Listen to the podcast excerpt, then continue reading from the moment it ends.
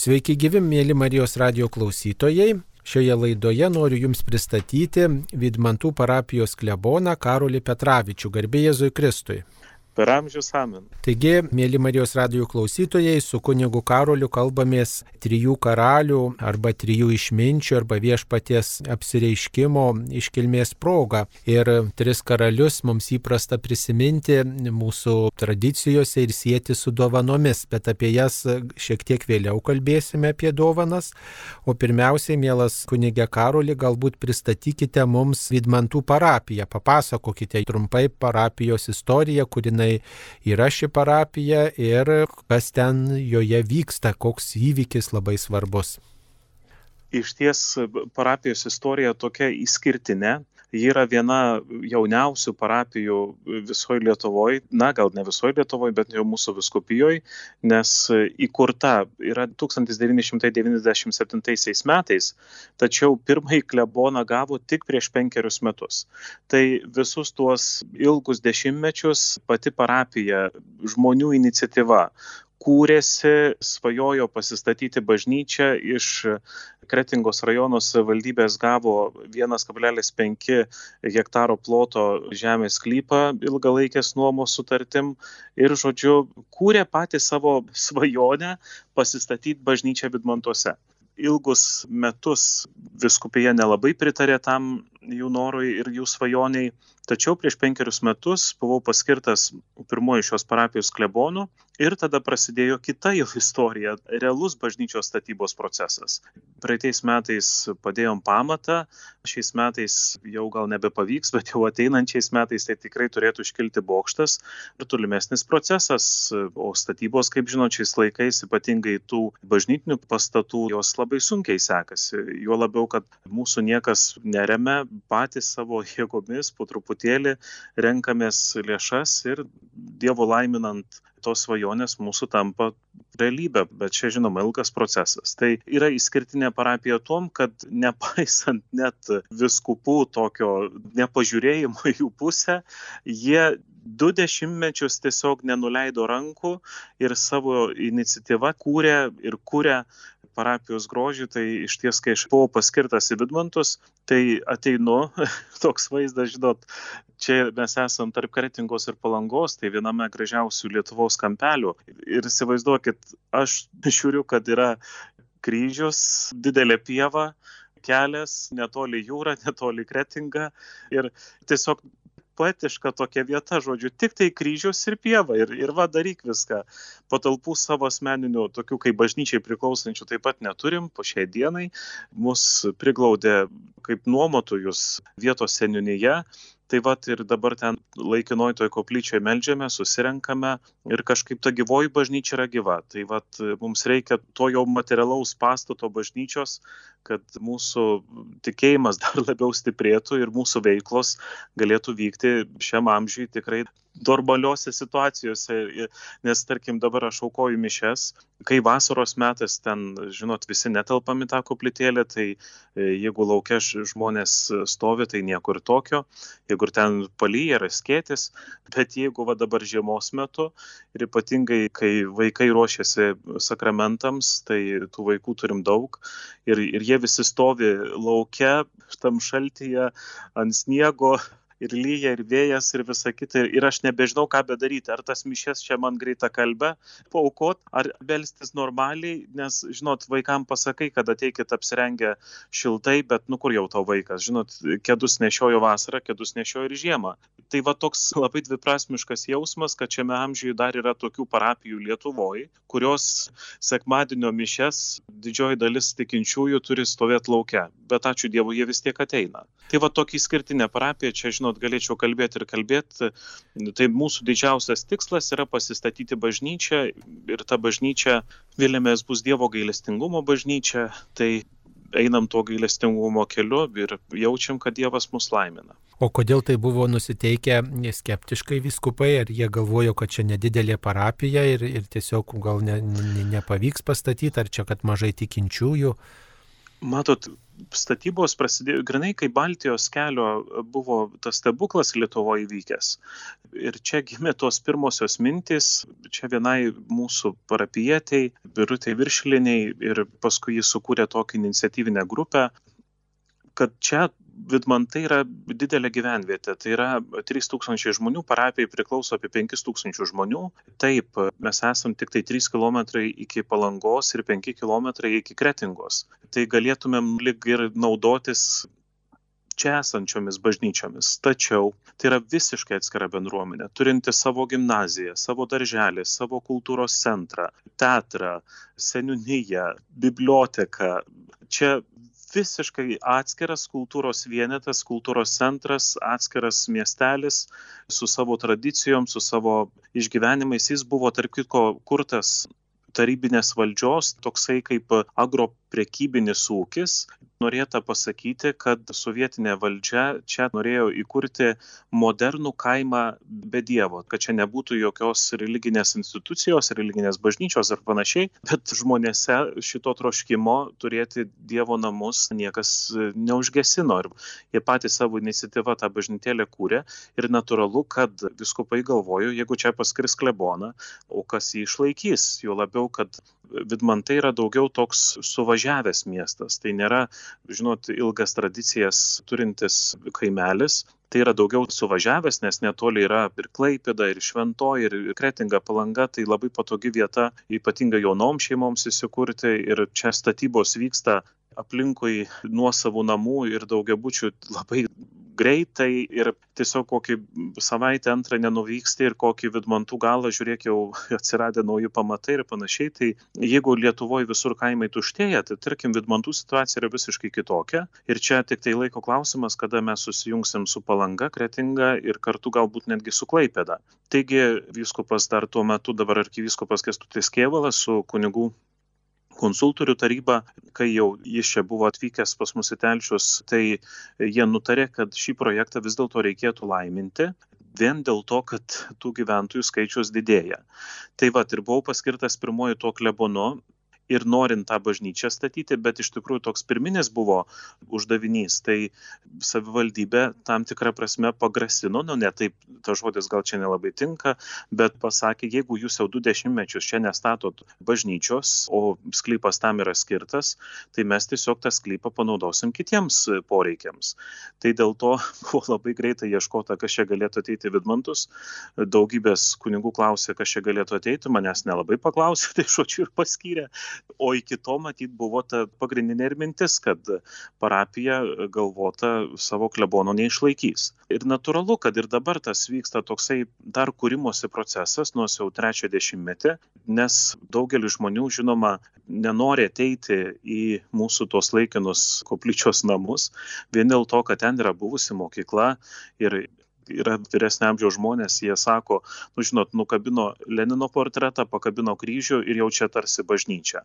Toks augimas vyksta. Dabar jau šiek tiek esam atsigavę, tikrai kažkaip žmonės vis atranda jau tą mūsų koplytėlę, visą kitą, bet mūsų pagrindinis tikslas ne toj koplytėliai ten būtų, pagrindinis tikslas kuo greičiau pereiti į naujus Dievo namus. Ir Taip. natūralu, kad viskupai turėjo tų visokių minčių, kaip čia bus, kaip čia ką, ir natūralu, kad man nėra labai lengva iš tiesų čia laviruoti tarp visų ir kartu statybos ir kurti naują parapiją. Nu, o kur yra lengva, kur, kurioj parapijoje čia kuriam klebonui jau labai sekasi, tai, tai atsiduodi Dievo rankas ir atrodo viskas į priekį. Taip, jūs um, tiem parengiamiesiems bažnyčios statymo darbams, pirmiems žingsniams taip pat telkėte aukas ir, ir ieškote rėmėjų ir kiek teko girdėti, tiems jau tokiems iškiliausiems rėmėjams dovanojate savo tapybos paveikslus. Iš kur tokia mintis atėjo, kad būtent savo tapytais paveikslais padėkoti, nudžiuginti tuos talkininkus, geradarius. Ir beje, kas nu, tuose paveiksluose vaizduojama viskas iš biednumo.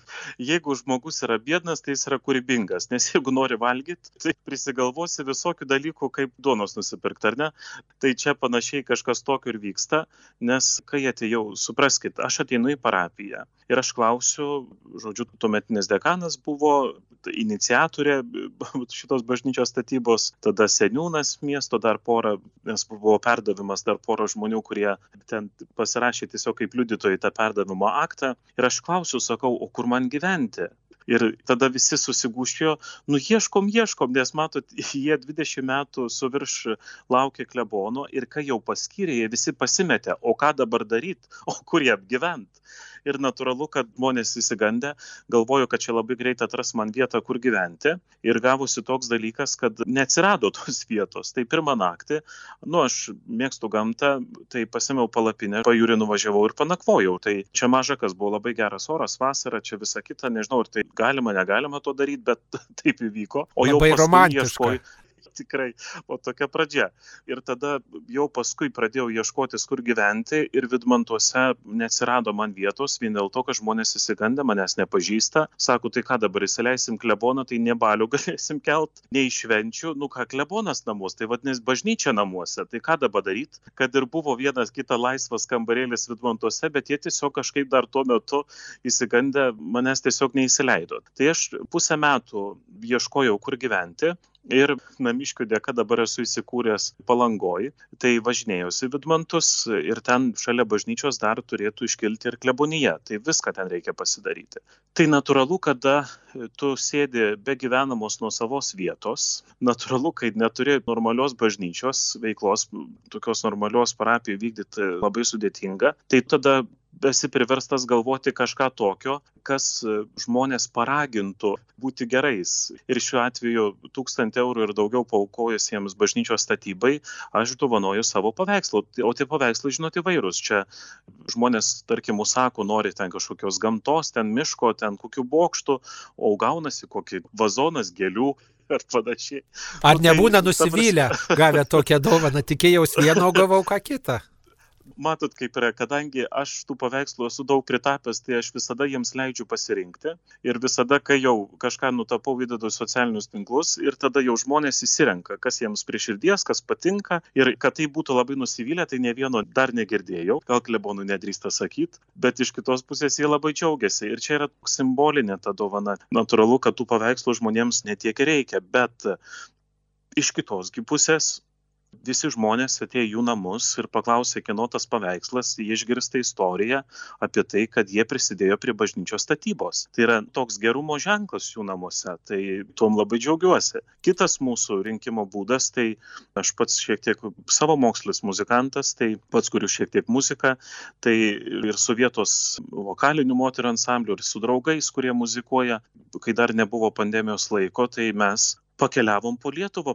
po parapijas. Tai nuvykstam į kokią parapiją, aš ten aukoju mišęs, sakau pamokslus, visa kita, stovi mūsų savanorės, kaip jūs, Marijos radijas, renkat pinigėlius, taip ir mes renkam tos pinigėlius kartu prie staliuko ir po pagrindinių šventųjų mišių žmonėms, kad atsidėkoti už jų gerumą, dovanojom koncertą. Ir tie koncertai mūsų labai tokie ir pasisekę būdavo. Ir, ir tikrai ir, ir to aukų čia prisirinkdavom. Jeigu kokią mažesnę parapiją, žiūrėjau, kokį tūkstantį parsivežam eurų, jeigu didesnė parapija ir 2000 ir 3000 eurų, tai žinot, aš jau vienu laiku jokiausi, kad aš uždirbu daugiau už stelą ir radžiją. žinoma daug rimtų žmonių į mane žiūri truputėlį kaip į tokį komediantą, kad čia vos nešoku, dainuoju ir tapau, bet jeigu aš šito nedaryčiau, tai mes nebūtumėm surinkę pamatams pinigėlių. Mes dabar esame išleidę kažkur apie 165 tūkstančius, tai yra padėti pamatai bažnyčios ir klemonijos, inžineriniai tinklai sutvarkyti, visos dokumentacijos, kurios beprotiškai daug kainuoja. Ir dabar tiesiog be penkių minučių, kažtai perkeltinė prasme, derame su rangovais ir statysim bokštą, kurio vertė apie 100 tūkstančių. Tai mes dar visų pinigų neturim tam bokštui, bet didžiąją dalį jau esam surinkę. Taigi visi tie pinigai uždainuoti ir užtapyti.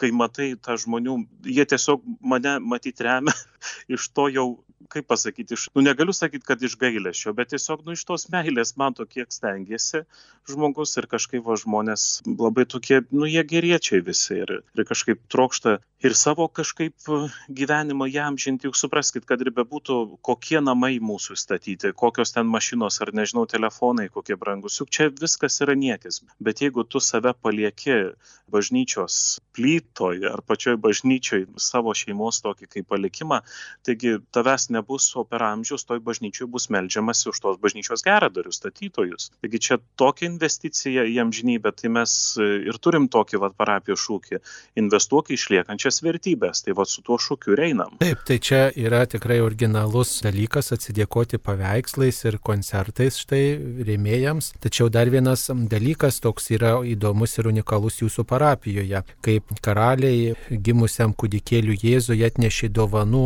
auksos, milkalų ir myros, taip ir į Vidmantų parapiją, ne tik iš šios parapijos, bet net ir, kaip teko girdėti, iš visos Lietuvos žmonės atneša ir atveža ir atgabena ir perduoda lietuviško aukso, gintaro. Kodėl štai pradėjote rinkti gintarą, lietuvišką auksą Vidmantų parapijai? Čia iš tiesų tokia gili istorija yra, kuri tęsiasi jau daugiau kaip 2,5 metų, bet apie ją žmonės sužinojo tik tai Liepos 31 dieną apie tą mano svajonę, bet to lietuviško aukso mes ne tik iš Lietuvos gavom, jau yra iš Australijos, iš Amerikos, iš Airijos, iš Anglijos, iš Italijos, iš Ispanijos. Tai kur tik tai ši žinia pasiekė socialinių tinklų dėka lietuvius, tiesiog siuntos keliauja iš visur, nes žmonės supranta didžiulę reikšmę šito viso sumanimo. O tas sumanimas, nu žinot kaip yra, aš išdrįsau tuo sumanymu pasidalinti su žmonėmis tik dėl to, kad buvo Jozapo metai. O kodėl Jozapo metai?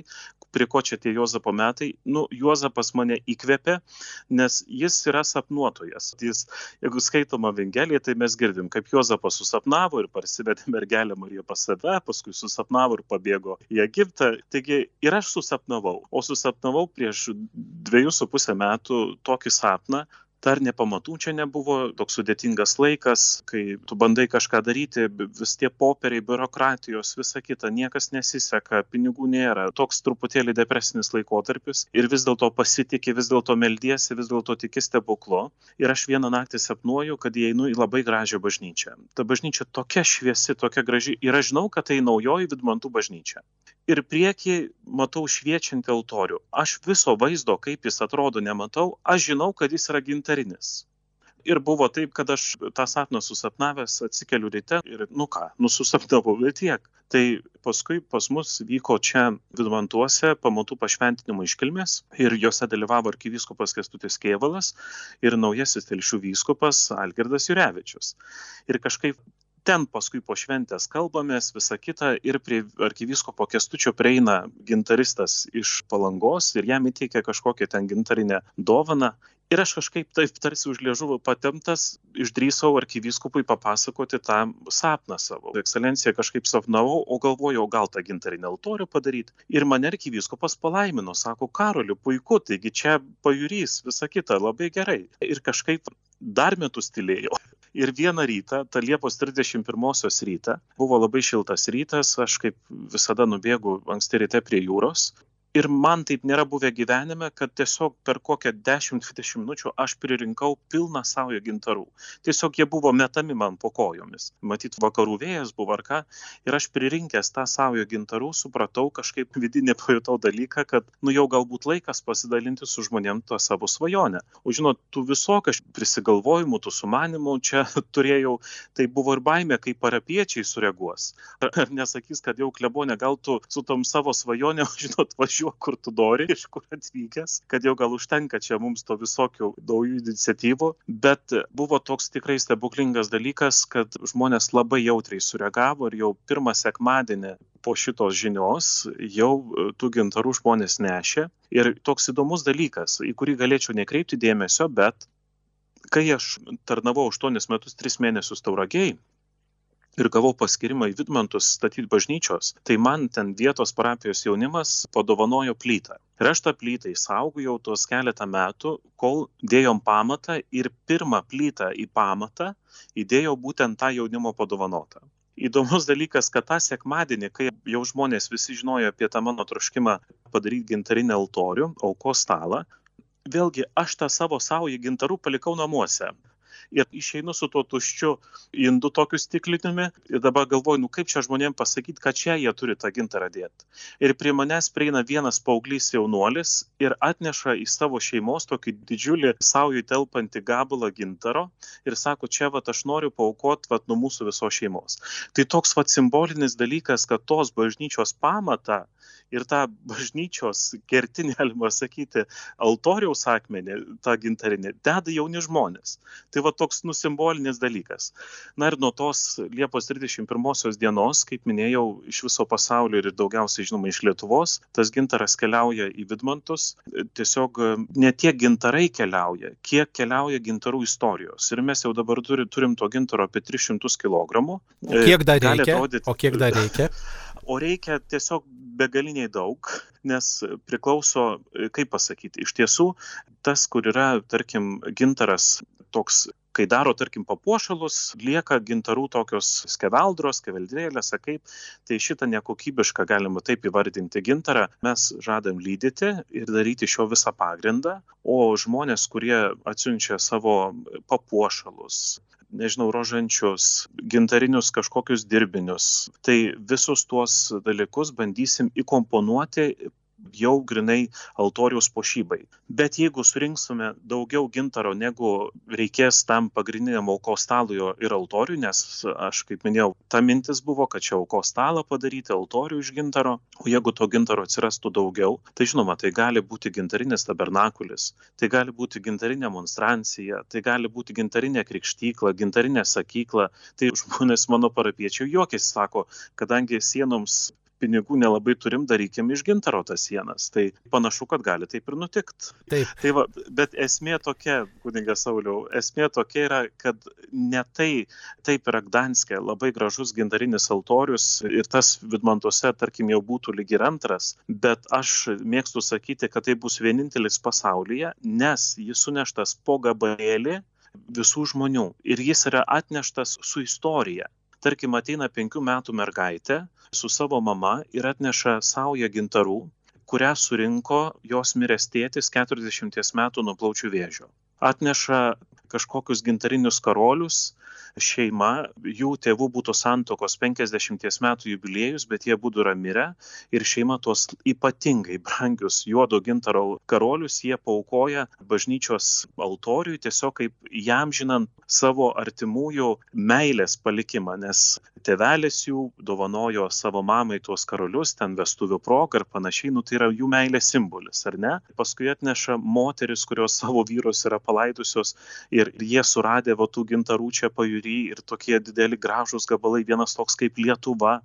Paskui yra gintarų, įsivaizduokit, papuošalų tremtinių, kurie tuos gintarus yra įsaugoję tremties metu parvežę į Lietuvą, patikėję savo vaikams ir tie vaikai nori taip įamžinti savo tėvų atminimą, vėlgi paukodami tuos papuošalus tam altoriui. Tai čia yra, aš jau čia nevadinu gintarais, aš ją vadinu gintarų istorijomis ir toks, suprantat, didžiulis ženklas. Čia man teko vieną kartą kalbėti su gailestingumo seserų abate Vilniuje ir ji mums, tarp kitko, bažnyčiai padovanojo indus švestam vandeniui. Ir kai atsiuntė tuos indus švestam vandeniui, ji taip pasakė, man sako, tegul tai būna vilties ženklas, kad praeis ta pandemijos banga ir mes vėl galėsim sugrįžti į bažnyčias ir vėlgi save šlakstyti įeinant ir išeinant iš Dievo namų šventų vandeniu. Ir sako, jeigu jau yra indai išvestam vandeniu, nu bus ir ta bažnyčia vieną dieną. Ir va su ją kalbant dar jį tokią, tokią mintį man pasakė, kas mane patį atpalaidavo, nes suprantat, kaip yra. Vis dėlto kiekvienas kunigas gavęs kažkokį užduotį, na jis nori kuo greičiau ją padaryti. Ir aš buvau tam tikroje tikrai įtampoje, kad kuo greičiau tą bažnyčią pastatyti, čia per galvą verties visą kitą ir taip toliau. Bet paskui supratau suvokiau, vat, ir per tą sesę gailestingumo, kad čia yra Dievo statyba ir Dievui nereikia greitos bažnyčios. Žinot, jam nereikia, kad kaip prekybos centras ta bažnyčia iškiltų per vieną mėnesį ir paskui visi eitų, kaip ir čia pastatė ir nieko tokio. Kaip tie gintarėliai po vieną, po mažą gabaliuką sunešta iš visur. Taip Dievas nori, kad ta bažnyčia būtų po mažą trupinėlį pastatyta žmonių meilės, tada įgauna visai kitokią vertę, įgauna visai kitokią prasme. Ir ta bažnyčia tampa kažkokia tokia tikrai, tas pastatas nors ir negyvas, bet jis tampa gyvu. Ir aš jaučiu, kiek daug žmonių įsijungia į tą visą reikalą, kur tu nemanyt nemaniai, netgi, pavyzdžiui, toks dalykas yra, įprastai gi moteris būna parapijos, ar ne, jau vadovaujančios viskam, visam paradui. Kas yra keista vidbantuose, kad šeimų vyrai Jie, kai kurie ateina sekmaniais į bažnyčią, kai kurie labai retai pasirodo. Bet jeigu jau atsiranda kažkoks reikalas bažnyčios ten poreikiams, ten kažką patvarkyti, kažkokiai šventai pasiruošti ar ką, met visus darbus ir puola padėti bažnyčiai. Ir tarkim, čia jeigu ir kalėdoms vat ruošiamės mes šią prakartėlę gražią gintarinę padarėm, tok 30 kg gintaro išpylėm ant tos prakartėlės, tai turim nuostabią gintarinę prakartėlę, ten tie 200 su virš kilogramų yra įdėti tokį laikiną stiklinį stiklinį altorių, tai labai tai tikrai spūdingai atrodo. Tai įsivaizduokit, atėjo gal keturios moteris ir apie penkiolika vyrų. Aš sakau, kur moteris dingo, sak, moteris namuose kažką tvarkosi, o vyrai viską ten puošė, ėjo kalė, darė ir, ir, ir man toks yra kažkoks vėlgi įkvėpimas, kad žmonėms reikia tos bažnyčios, nes jie rodo begaliniai didžiulius ženklus, kad tikrai jie trokšta tų Dievo namų. Nes padėjimas, toks palaikymas, žinoma, mes neturim tų taip reikalingų daugybės tūkstančių tam pastatui iškilt, bet tas noras padėti, patiems daryti, kurti tą parapijos grožį, tai yra begalinis. Tai mane tikrai labai įkvepia ir parodo, kad bažnyčia tikrai Dievas laimina iš tikrųjų tą statybą, kad ir nėra ji tokia greita, kaip norėtųsi. Su jumis Marijos radijas.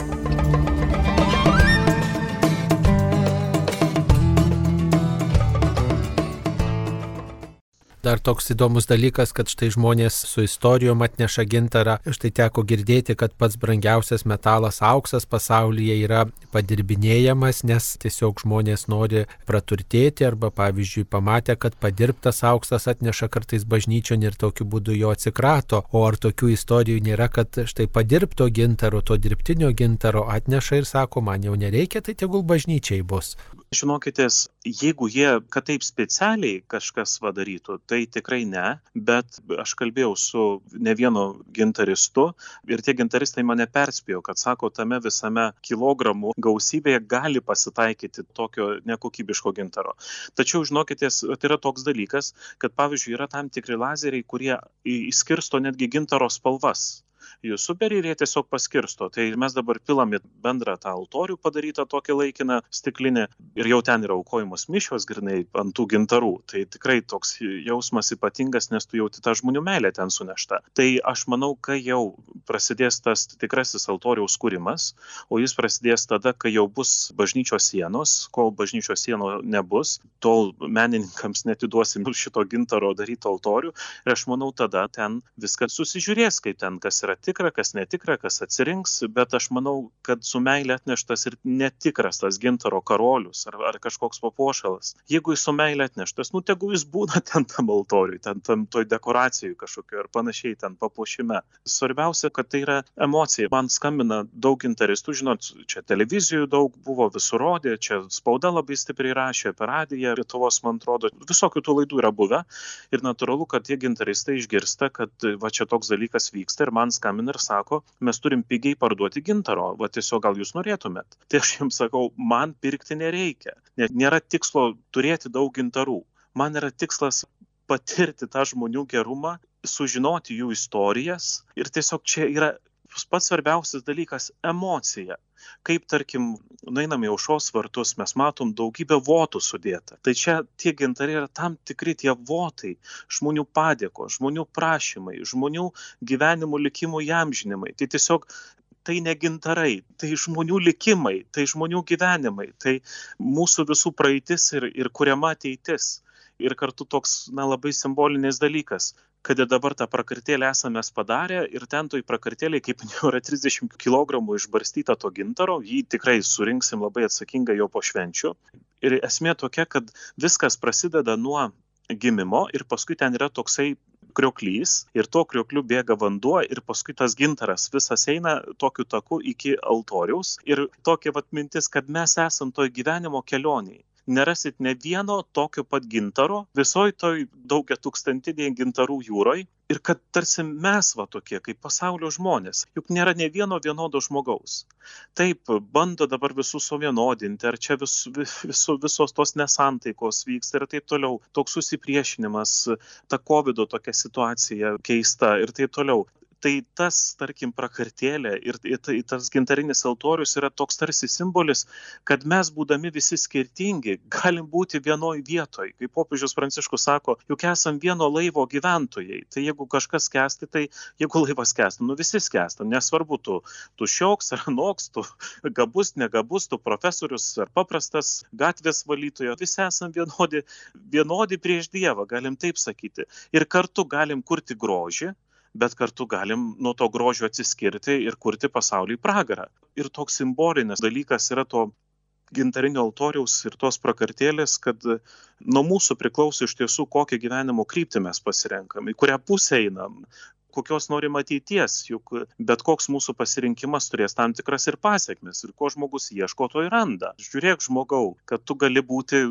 to stebuklo dalim arba gali būti, na, pragaro kuriejų kai dovanos duodamos, tiesiog neklausiama, kaip jas priima. Aišku, visada tas dovanojantis žmogus tikisi, kad tas, kuris apdovanojamas, džiaugsis jo dovana, tačiau kartais pasitaiko, kad žmogus palikdamas auką arba kad štai ir atneždamas gintaro galbūt kelia tam tikrus reikalavimus, kaip tas altorius turėtų atrodyti arba kokia bažnyčia ta turėtų būti. Galbūt vieni nenori, kad būtų ten labai moderni bažnyčia, nori tradicinės arba gal kiti kaip tik sako, sako, nestatykite tokios kaip ten anksčiau, kad buvo, kad būtų šio laikiška, patraukli ir teities kartoms. Ar išgirstate tokių istorijų arba tokių prašymų, reikalavimų ar, ar tokių palinkėjimų, kaip ta auka turėtų būti panaudota ar, ar kaip tas gintaras turėtų būti panaudotas? Natūralu, kad tie dalykai vyksta. Ir įsivaizduokite, buvo toks dalykas, kai aš atvykau į parapiją, man ta žmonių iniciatyvinė grupė 20 metų pati kūrė su tą parapiją, įdavė projektą, pasakydami, kad tam projektui yra gauti visi leidimai ir jau rytoj šitai laukiam jūsų klebonė ir jau netgi rytoj galim dėti kertinę. Aišku, pinigų nėra, bet jau visi leidimai gauti, galim jau rytoj pradėti statyti bažnyčią. Bet žinot, kaip yra, aš visada žinau, kad pats negali būti visų sričių specialistas, yra tam tikrų sričių specialistai, kuriuos tu privalai kreiptis dėl konsultacijos ir natūralu, kad mano tarpe buvo žmonių, kurie nusimanė architektūroje ir nunešęs aš tą visą projektą tiesiog buvau apšviestas, kad tas projektas, kadangi jau yra 20 metų senumo, jau nebetitinka šių laikinių reikalavimų, jau yra, nors bažnyčiose negalima sakyti, kad yra tam tikri mados klyksmai, bet yra vis tiek tam tikras laikmečio ženklas, kuris atsispindi architektūroje pastatų, tai čia neišvengiamai. Jo labiau, kad ir antro Vatikanų susirinkimų liumengencijum pagrindinė vedančioji mintis, kad atpažinkite laiko ženklus. Taigi,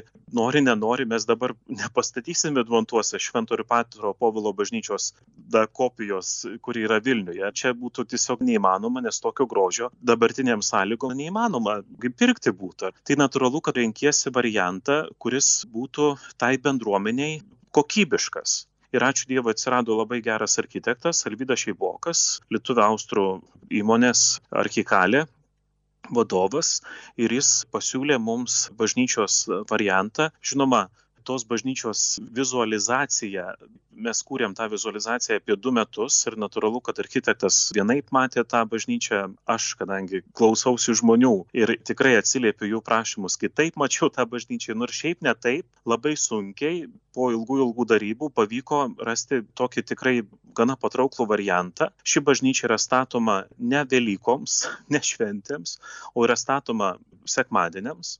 Ta prasme kad jeigu sekmadienį ateina apie pusantro du šimtus žmonių į bažnyčią tai dabar tiek mūsų susirenka kas sekmadienį. Tai kad turėtų pusantro šimto žmonių vietos atsisėsti penkiasdešimt galėtų ir pastovėti arba galim kėdes padėti o jau šventei galėtų jau pagrūdus šiek tiek tilpt apie tris šimtus žmonių o atidarius bažnyčios galines duris ten yra toks stiklinės durys specialiai taip padarytos kad ten galėtų dar visa aikštė matyti kas darosi bažnyčioje. Kitas momentas yra kad dabar žmonės po šventų mišių nenori eit namo taip yra dalis žmonių kurie bėga į savo rūpesčius bet didžioji dalis žmonių jie nori pasėdėt pašnekėt pasidalinti, tiesiog pabūti. Tai toj naujoj bažnyčiai mūsų yra suprojektuotas tamburas ir katekezės klasė gale. Tai ten būtų taip, kad ta katekezės klasė siena susistumia ir tamburas ir katechezės klasė tampa viena patalpa, tu jau nebesi bažnyčioj ir dar nesi laukia ir ten yra jis ant mazgas padarytas ir kartu būtų galimybė ir kokios košės suvalgyti, kavos, arbatos atsigerti, pabendrauti, sausainį kokį sukrimst. Tai va tas bažnyčia šio laikinė, ji nebegali būti vien tik tai toks pastatas, kad tik tai maldai, taip tai yra pagrindinė visoko esmė, bet kartu reikia žmonėms ir vietos dar pabūti.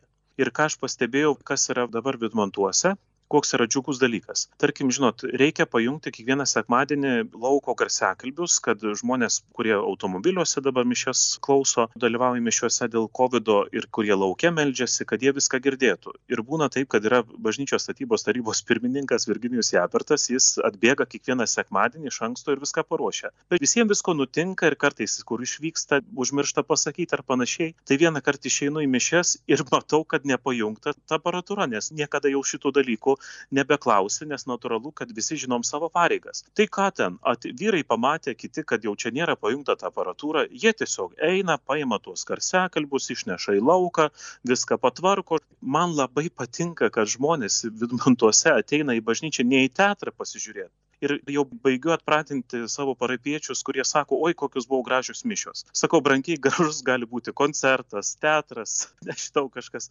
Mišios negali būti gražios ar negražios. Mišios yra mišios. Mes visi kartu melžiamės, visi kartu dalyvaujam, visi kartu būnam. Tai koks čia dabar gali būti gražus ar negražus dalykas, ar graži ar negraži malda. Taigi tas ir yra dalykas, kad jie ateina ne į teatrą, o ateina į tiesiog į bendruomenę, į šeimą. Ir jeigu kas to šeimoje matom yra netvarkoj, juk niekas neklausia ten, jeigu kas prie stalo sėdi, visa šeima valgo pietus, juk niekas neklausia, kodėl čia ta lėkštė man nepadėta. Jeigu nerandi lėkštės, nueini pasiemi ir pasidedi, va čia yra šeima. Tai tas toks gražus ženklas tų sekmadieninių mišių, tai yra nuostabus ir natūralu, kad žinoma, kai kam ta bažnyčia, tas vaizdas čia patinka, nepatinka, bet visada reikia pasitikėti profesionalais, kurie yra tų sričių specialistai. Ir tarkim, ir tas pats altorius, kuris iš gintaro gims, taigi jis vėlgi bus ne mano, nesvarbu, kad aš čia tapytojas ar panašiai, su menu šiek tiek susijęs mano tas gyvenimas, bet jau čia ne aš kursiu tą altorių, jau čia kurs profesionalai, kurie tikiu, kad padarys daug gražiau, negu man atrodytų. Tai aišku, konsultacijos, visa kita, žmonių nuomonė bus tikrai išgirsta, bet visada reikia pasiklausti. Žinot, yra toksai kunigėlis jubilijatas, Steponas druskininkuose. Tai jis labai irgi rūpinosi, čia buvo atvažiavęs į palangą reabilitacijai, susidraugavom labai. Ir jis man sako, aš būdamas klebonu visada pasiklausdavau nuomonės patarnautojo apie bet kokį dalyką. Sako, ar ten noriu bažnyčiui ką padažyti, ar noriu kažką ten tokio vat nupirkti, ar noriu kažką. Sak, pasiklausiau patarnautojo, pasiklausiau kokio senučiuko, pasiklausiau kokios matau mamytės su vaikais. Ir tada sužinai, ką reikia iš tikrųjų daryti. Nes jeigu galvoji, kad tu viską pats čia padarysi, viską čia pats, toli nenueisi. Tai man taip patiko ta jo mintis, kad tikrai tiesiog mums reikia visiems kalbėtis. Kodėl dabar bažnyčioje ir visuotiniai bažnyčioje, suprantat, aš jaunimo centro vadovu esu penkerius metus ir matau, kodėl jaunimas truputėlį yra čala nuo bažnyčios visą kitą, nes bažnyčiai jaunimas nelabai rūpi. Nes jeigu rūpėtų, tai bažnyčia truputėlį kitaip žvelgtų jauną žmogų ir klausytųsi jo. O dabar, žinot, tam tikri proforminiai dalykai yra tarsi atliekami, bet jau visai kita tema ir visai kiti pamastymai. Bet mums trūksta pačios bažnyčios narių įsikalbėjimo. Už ką mes, prieš ką mes, koks yra mūsų tikėjimo kelias ir panašiai. Bažnyčioje mes labai daug kalbam, siaubingai daug pamokslų, siaubingai daug maldų, daug visko, bet va tokio išgirdimo sinodo. Tai labai trūksta ir ačiū Dievui atsirado dabar tas stebuklingasis sinodas. Gal dabar jau truputėlį pasikalbėsim, gal dabar kažkas vat įsigrynins. Nes mes tuos pačius dalykus visi žmonės matom iš skirtingų kampų. Ir įsikalbėti yra labai labai svarbu. Ir kai įsikalbam, kai kartu kažką padarom, tikrai kokie nuostabus dalykai gaunasi. Kad ir dėl tos mūsų gintarinės prakartėlės šiais metais. Juk mes darydavom šieno altorių. Tikrai toks įspūdingas gaudavo šieno altorius, keletą metų jo darėm. Ir kai kurie tradiciniai katalikai ir kunigai man duodavo priekaištą, kodėl čia tas šieno altorius, šiandien pagarba Dievui. Nu, bet sakau, brangiai, taigi Kristus į ėdžias buvo paguldytas. Tai čia artimiausia vieta, kur galima tokį simbolinį tiesiog atrasti džiaugsmą, kad toks dalykas vyksta ir sakau, duokit pinigų, padarysim marmuro tą altorių, bet va, te turim tik šienų iš šienų ir padarėm tą altorių, čia kalėdų laiko. Bet šiais metais jau to šieno altoriaus neprireikė, nes turėjom pakankamai gintaro, bet va ta gintarinė prakartėlė vėlgi kilo iš tokio kalbėjimuose. Man paskambina miestelio pirmininkas e, Simas Končius, kuris yra labai aktyvus mūsų parapijos bendruomenės narys. Ir jis sako, klebonė, o sako, turim, sak, tiek to gintaro, sako, gal šiais metais gintarinį darom tą prakartėlę, gintarinę. O, sakau, kaip smagu. Ir tas mūsų naktinis pokalbis virto į tą, kad mes tą gražią prakartėlę padarėm ir kartu ta žinia buvo nušviesta vėlgi per visą Lietuvo žiniasklaidą. O to žiniasklaidos, žinot, to žinojimo iš vienos pusės mane tai kaip kuniga labai berzina, nes aš labai nemėgstu tos viešumos. Aš noriu būti savo parapijos kunigas ir savo parapijai viską daryti. Ir čia dabar visai Lietuvai pasakoti, kas čia mums nutinka ar nenutinka, tai truputėlį man sudėtinga. Bet aš matau, kad to reikia dėl mūsų bendro tikslo, dėl bažnyčios bažnyčios statybos, dėl altoriaus darimo, taip kažkaip viskas ir, ir taip gražiai įsirituliuoja paskui. Tai tu žinai, kad tas žinomumas jis kartu pritraukia ir tų aukų. Jo labiau, kad aš jau kai pamatau, kad bažnyčios sąskaitos, statybos sąskaita jau truputėlį parapiečių užmiršta, tai žiūrėk, žiemą jūrą įkrentu su kvietimu aukoti, tai žiūrėk, kokią dainą sukūriu į kelius socialinius tinklus, kad jau žmonės žiūrėkit, kad čia mes dar tebesam. Ar yra kas nors? Ir koks yra gražus dalykas, kad tarkim yra tam tikri parapiečiai, kurie kas sekmadienį perveda į sąskaitą po 7 eurus, po 5 eurus, po 10 eurų. Aš iš pradžių taip keistai sakau, o kaip šių dabar po tos 7 eurus čia jūs pervedat? Mes atsisakom kas savaitę poros kavos podelių. Ir įsivaizduokit per metus laiko, kokia suma susidaro ir tiesiog nu, neįtikėtina, ar ne? Tai vad nebūtina aukoti tų tūkstančių, nebūtina aukoti iš karto ten tų šimtų ar kiek, tu gali po tuos kelis eurus pervesti tai bažnyčios statybai, nes per ilgą laiką jų tikrai susidaro pakankamai didelė suma. Ir toks įdomus dalykas po tą trupinėlį, kad nu neįtikėtina. Čia su vietos yra, yra toks medaus ūkis, Veletos ir Juozo čia pas mus Vidmantuose tai aš jų paprašiau, sakau, gal galit man truputėlį pigiau parduoti medaus, aš žmonėms duosiu medaus už tą auką, kurią čia man kas nors atneša. Tai žinoma, jie man 200 stiklainiukų medaus padovanojo ir dar ant viršaus uždėjom tokią lipduką, o ten parašyta, kad šį medų sunešė bitutės, kaip ir Dievo gailestingumo bažnyčia Vidmantuose, statote jūs daugybę gerų žmonių. Ir netgi už tą lipduką, kur jau turėjau spausinti ten spaustuvę, spaustuvė neėmė pinigėlių, nes žinojau, koks tai yra tikslas. Na tai labai nuostabu, kad štai jūs atsidėkojate dovanomis už, už parodytą gerą. Tai jeigu dar žmonės norėtų štai prisidėti dovanomis, dovanoti Vidmantų bažnyčią, naująją bažnyčią gintarais, kur reikėtų kreiptis ir kur reikėtų siūsti tuos gintaro ar dirbinius, ar savo šeimos saugomą gintarą rastą prie jūros ar panašiai gautą. Tai visada, žinoma, galima atvažiuoti pas mus į Vidmantus. Yra tie laikinieji mūsų koplyčios namai, atžalino gatvė gatvė 4 Vidmantai arba tuo pačiu adresu e, galima siūsti paštu, tai vėlgi Atžalino gatvė 4 Vidmantai. Tai galima mano vardu siūsti, galima ten į biblioteką nusiųsti, ar netgi sėdūnas kartais gintarų atneša. Tai tie gintarai, jeigu jau kažkur va čia Kretingos rajone koks nors siuntinukas užrašytas, kad Vidmantų ten altoriui, netgi esu vieną tokią voką gavęs, kad Vidmantų gintariniam altoriui. Iš daugiau per paštą atėjo oficialiai Vidmantų gintariniam altoriui, be jokių ten kažkokių ten kitų adresų ir, ir jis vis dėlto mus pasiekė. Tai nuostabu, tai, kad, kad visi ir pašto darbuotojai ir visa Vidmantų bendruomenė žino, kur čia reikia ir kokiam tikslui reiškia renkama tokia lietuviško taip, aukso ir, ir medžiaga. Dar, ir dar Ir dar toks įdomus dalykas, kunigas Sauliu, buvo taip, kad atsitiko toks dalykas, kad man atėjo daug pranešimų apie tai, kad aš turiu pasimti pašto siuntas iš, iš pašto skyriaus. Jis yra kretingoje. Aš nuvažiuoju prieš šventę, žinau, dabar ten pralaukiu 45 minutės, nu žinoma, brevijorių vos nespėjau atsiskaityti ten eiliai stovėdamas, dabar viskasgi telefone. Tai, bet paštų darbuotojai paprašiau, jeigu jau būna, sakau, Vidmantų parapijai kažkoks siuntinukas, veškite Vidmantus, bet kam atiduokit, jie tikrai atneš aš. Netgi palieka, čia pas mus yra vietinė parduotuvė Aibė, netgi to Aibei palieka. Ir aš paskui susirenku jau, kur kas vat, yra man paskambina, klebonė teikia, turim gintarų, arba klebonė teikia, čia žmonės auką paliko. Tai tikrai visas tas kraštas jau mūsų žino apie tą mūsų uh, tikslą, mūsų svajonę ir, ir kažkaip visi labai suinteresuoti padėti. Tai aš pats netikėjau, kad per keletą mėnesių mes surinksim tuos apie 300 kg gintaro, nu čia nerealus, nu, nerealus dalykas. Tas gintaras, jis nu vis tiek brangus dalykas, o žmonės dalinasi. Taigi ačiū, mielas kunigė Karoli, kad jūs štai tokį unikalų projektą įgyvendinate Vidmantuose ir nekantraujame tikrai atvykti ir pamatyti ne tik tai pastatytą bažnyčią, bet ir gintarinį altorių, kuris Lietuvoje bus unikalus. Mėly Marijos radio klausytojai, šioje laidoje kalbėjome su Vidmantų parapijos klebonu kunigu Karoliu Petravičium, kuris stato Vidmantų bažnyčią ir ruošiasi įgyvendinti unikalų projektą kartu su menininkais pastatyti gintarinį bažnyčios altorių, kurie norite ir galite, kviečiame prie šito projekto prisidėti. Kuniga Karolį laidoje kalbino aš, kunigas Saulis Bužauskas. Linkiu, kad mes mokėtume dovanas ne tik tai gauti, bet ir jomis dalintis. Ačiū, sudie.